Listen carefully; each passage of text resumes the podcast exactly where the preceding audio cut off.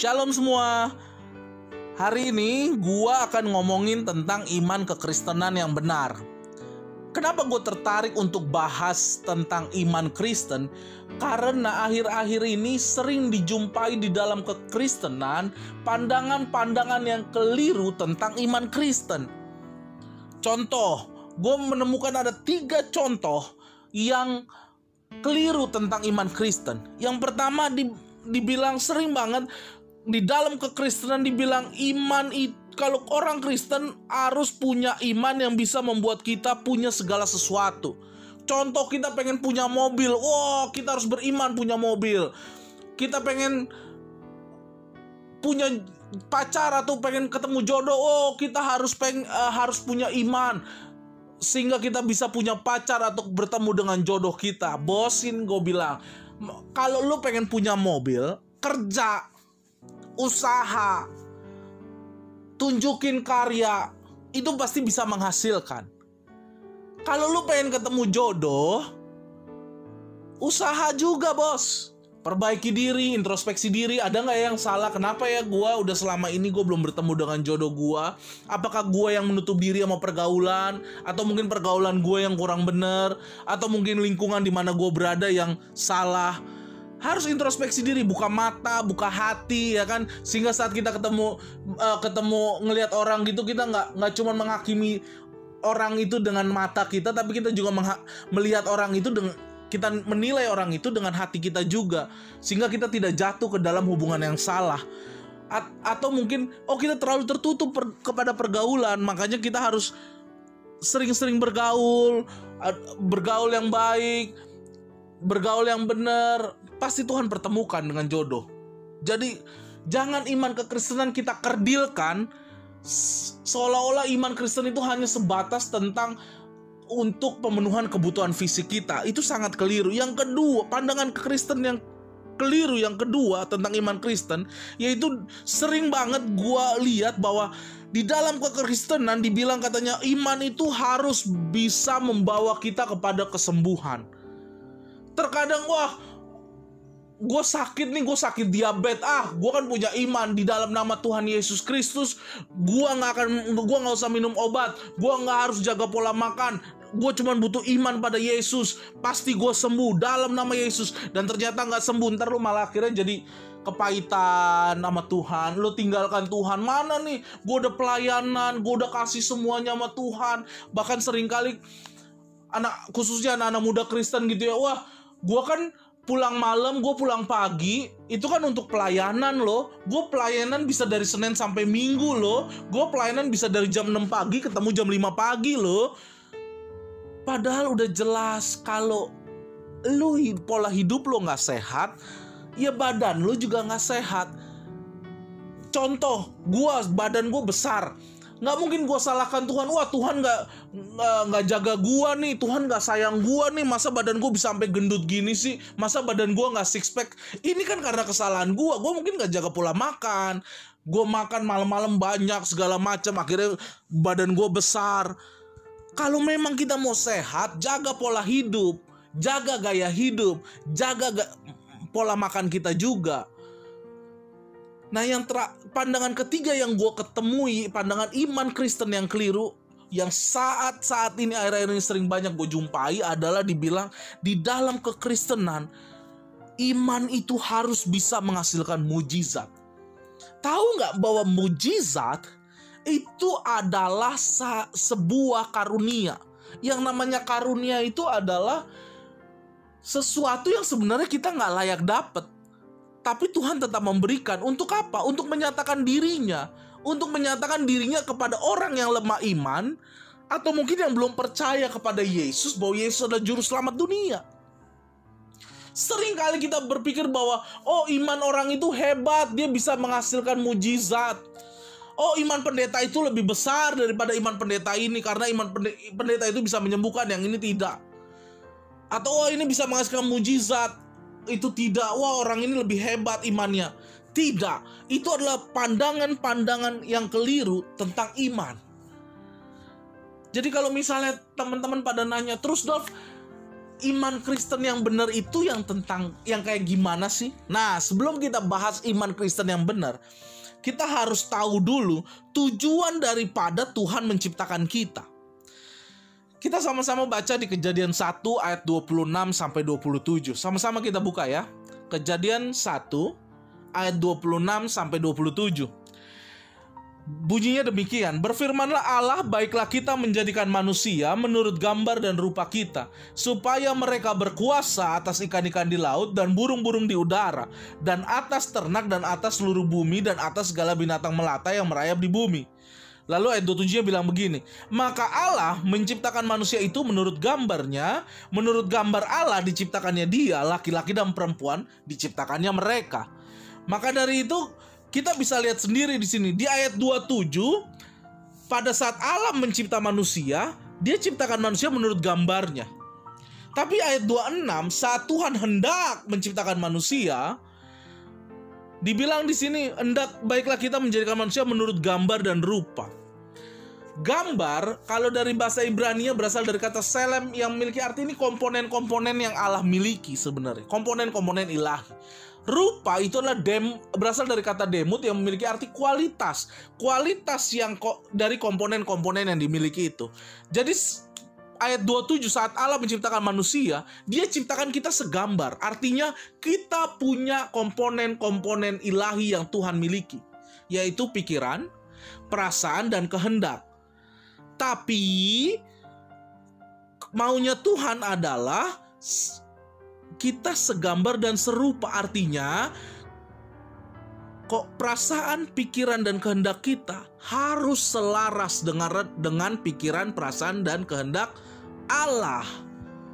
Maka dari itu Tuhan Yesus memberikan contoh. Makanya dibilang di Roma 8 ayat 29 bahwa Tuhan Yesus adalah yang sulung di antara banyak saudara. Tuhan Yesus adalah manusia pertama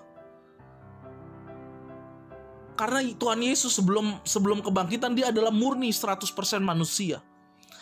Dia memang bukan ciptaan tapi dia mengosongkan dirinya yang tadinya dia Allah anak, dia kosongkan dirinya, dia ambil rupa bahkan dibilang dia mengambil kesetaraan dengan manusia. Dia bukan makhluk ciptaan tapi dia mengambil rupa seolah-olah dia makhluk ciptaan. Sehingga dia bisa menjadi teladan bagi kita semua. Apa sih standar untuk serupa dengan Allah yaitu kita harus serupa dengan Yesus. Maka dari itu iman kekristenan yang benar harus membimbing kita kepada keserupaan dengan Yesus. Karena itu tujuan Allah menciptakan manusia. Sehingga kita serupa dengan dia. Tidak hanya segambar, karena kita sudah segambar dengan Allah saat ini. Tapi kita juga harus serupa. Pikiran, perasaan, dan kehendak kita harus seturut dengan kehendak Tuhan pikiran dan perasaan kita harus seturut dengan pikiran dan perasaan kehendak Allah. Maka dari itu iman kekristenan yang benar harus membawa kepada keserupaan dengan Yesus. Nggak ada yang lain. Maka dari itu kalau dibilang iman Kristen, wah kita pengen punya mobil harus beriman. Kalau pengen punya mobil kerja bos iman Kristen harus bisa menyembuhkan. Kalau mau mau sehat harus jaga pola hidup, gaya hidup, pola makan. Bahkan yang ngeri lagi dibilang kalau iman Kristen itu harus bisa menghasilkan mujizat. Mujizat itu karunia Tuhan. Tuhan yang menentukan. Sebenarnya kita nggak pantas melakukan mujizat, tapi Tuhan membuat kita layak untuk bisa melakukan mujizat karena Tuhan ingin menyatakan dirinya. Sehingga orang yang lemah imannya, orang yang belum percayanya boleh percaya kepada Tuhan Yesus Kristus. Jadi iman yang benar haruslah menuntun kita menjadi serupa dengan Yesus. Sehingga Roma 8 ayat 29 berlaku buat kita Begini bunyinya Roma 8 ayat 29. Sebab semua orang yang dipilihnya dari semula, semula mereka juga ditentukannya dari semula untuk menjadi serupa dengan gambaran anaknya supaya ia anaknya itu menjadi yang sulung di antara banyak saudara-saudara. Jadi manusia yang ideal, manusia yang Tuhan mau untuk kita menjadi adalah serupa dengan Yesus. Jadi anak-anak muda dengar, iman itu harus mengarahkan kita kepada keserupaan dengan Kristus, nggak ada yang lain. Makanya dibilang di, di dalam Ibrani 11 ayat yang pertama dibilang iman adalah dasar dari segala sesuatu yang kita harapkan dan bukti dari segala sesuatu yang tidak kita lihat. Konteks Ibrani 11 ayat 1 ini ini tidak berbicara tentang harta fisik. Bahkan makanya kita bisa lihat dasar dari segala sesuatu yang kita harapkan dan bukti dari segala sesuatu yang tidak kita lihat. Kalau kita, pernah nggak kita lihat orang miskin jadi kaya? Pernah. Pernah nggak kita lihat orang yang sudah tua terus bertemu dengan jodohnya? Pernah. Jadi kalau misalnya kita punya iman hanya sebatas pemenuhan kebutuhan jasmani, artinya Ibrani 11 ayat 1 nggak berlaku dong. Karena iman itu harus merupakan dasar dari segala sesuatu yang kita harapkan dan juga bukti dari segala sesuatu yang tidak tidak kita lihat. Ini berbicara tentang kekekalan. Jadi iman tidak berbicara tentang bagaimana punya mobil, bagaimana punya rumah, bagaimana bisa sehat dari segala penyakit, bagaimana bisa menghasilkan mujizat, tidak. Mujizat dan kesembuhan itu terjadi karena sebuah karunia daripada Tuhan Yesus Kristus. Itu aku setuju. Lalu mungkin teman-teman bertanya terus bagaimana dong untuk kita bisa memiliki iman yang benar? Ada tiga hal yang bisa kita lakukan sup supaya atau agar kita bisa memiliki iman Kristen yang benar. Roma 10 ayat 17 dibilang, "Jadi iman timbul dari pendengaran dan pendengaran oleh firman Kristus." Jadi iman Kristen cuma bisa tumbuh lewat firman Kristus. Bukan dari kata-kata pendeta, bukan dari kata-kata buku bijaksana, cuman dari firman Kristus. Karena Tuhan Yesus Kristus sudah bangkit dan duduk di, di uh, dan sudah kembali ke, ke kerajaan sorga. Kita cuma punya satu firman Kristus yaitu Alkitab. Jadi iman Kristen yang benar untuk memiliki pertumbuhan iman Kristen yang benar wajib wajib selalu mendengar firman Kristus. Artinya kita harus selalu punya waktu untuk baca Alkitab, untuk dengar-dengar ayat Alkitab, segala sesuatu untuk segala sesuatu tentang firman Kristus. Yang kedua, bagaimana untuk kita bisa memiliki iman yang benar? Yang kedua adalah untuk memiliki iman yang benar, kita harus jaga hati. Hati kita harus jaga murni. Karena cuman hati yang murni yang bisa mengerti tentang kehendak Allah. Sama-sama kita lihat di Matius 5 ayat 8, bunyinya begini. Berbagailah orang yang suci hatinya karena mereka akan melihat Allah.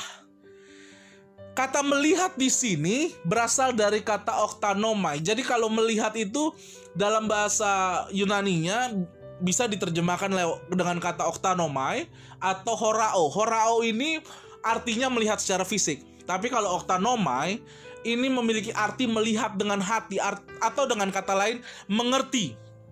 Jadi dengan kata lain Matius 5 ayat 8 bisa diartikan seperti ini. Berbahagialah orang yang suci hatinya karena mereka akan mengerti Allah. Saat kita jaga kesucian hati kita, kita akan mengerti apa yang menjadi maksud Allah dalam hidup kita. Allah mau kita serupa dengan Yesus. Maka dari itu, anak-anak muda sekalian, kita harus jaga. Kita harus jaga. Harus jaga hati kita. Jangan dicampur sama hal-hal seperti dendam, iri dengki, kepahitan, dan segala hal-hal yang merusak kemurnian hati kita. Lalu yang terakhir yang ketiga bagaimana untuk bisa memiliki iman Kristen yang benar. Tiada lain tiada bukan yaitu hanya lewat pergaulan yang benar. 1 Korintus 15 ayat 33 bilang pergaulan yang buruk merusak kebiasaan yang baik. Jadi pergaulan ini merusak kebiasaan, merusak sesuatu yang sifatnya sudah menjadi sebuah kebiasaan yang artinya sebenarnya udah rutin kita lakukan, tapi karena pergaulan itu bisa merubah merubah rutinitas kita. Jadi Lewat pergaulan yang tadinya kita rajin baca Alkitab, kalau pergaulan buruk bisa melupakan Alkitab. Lewat pergaulan yang buruk yang tadinya kita doa, kita punya waktu untuk Tuhan, jadinya kita nggak punya waktu sama Tuhan. Sering kali kita pikir, wah kalau bergaul di dalam gereja itu jauh lebih baik loh daripada bergaul di luar sana. Tapi bagaimana mungkin kalau kita di gereja dari jam 6 pagi pulang jam 11, jam 12 malam, jam 1 pagi, terkadang kita nggak punya, jangankan punya waktu untuk keluarga, punya waktu untuk Tuhan aja kita nggak ada. Kalau kita bergaul dengan orang-orang seperti ini, yang tadinya kita punya waktu untuk Tuhan, yang tadinya kita punya waktu untuk keluarga, itu akan hilang. Maka dari itu kita harus pilah, pergaulan kita harus benar pergaulan kita harus menuntun kita kepada keperubahan-perubahan yang positif. Dengan cara ini, ketiga cara ini kita lakukan, iman kita akan saya bisa pastikan kita akan memiliki iman kekristenan yang benar. Jadi iman Kristen yang benar cuma bisa tumbuh lewat firman Kristus. Kalau kita jarang baca Alkitab, udah pasti iman kita nggak benar. Yang kedua tadi iman kita bisa memiliki pertumbuhan yang benar jika kita jaga kemurnian hati kita, kesucian hati kita. Karena satu-satunya cara untuk bisa untuk kita bisa mengerti kehendak Tuhan hanya lewat kesucian hati. Matius 5 ayat 8 sudah jelas bilang hanya or, berbagailah orang yang suci hatinya karena ia akan melihat Allah. Ia akan mengerti Allah jadi kalau kita tidak jaga kesucian hati kita, sudah pasti iman kita nggak benar. Yang ketiga, lewat pergaulan yang benar. Jika pergaulan kita buruk, sudah dipastikan iman kita juga iman yang nggak benar. Maka dari itu sebagai penutup, saya cuma mau bilang begini, woi anak-anak Tuhan, anak-anak muda dalam Tuhan. Aku akan tutup podcast rohani hanya dengan satu quote. Saya cuma mau bilang, inilah quote saya iman yang benar atau dengan kata lain iman Kristen yang benar menuntun kita kepada keserupaan dengan Yesus bukan keserupaan dengan dunia. Jadi, jika kamu makin mirip dunia, artinya imanmu sudah tercemar. Haleluya. God bless you all. Shalom.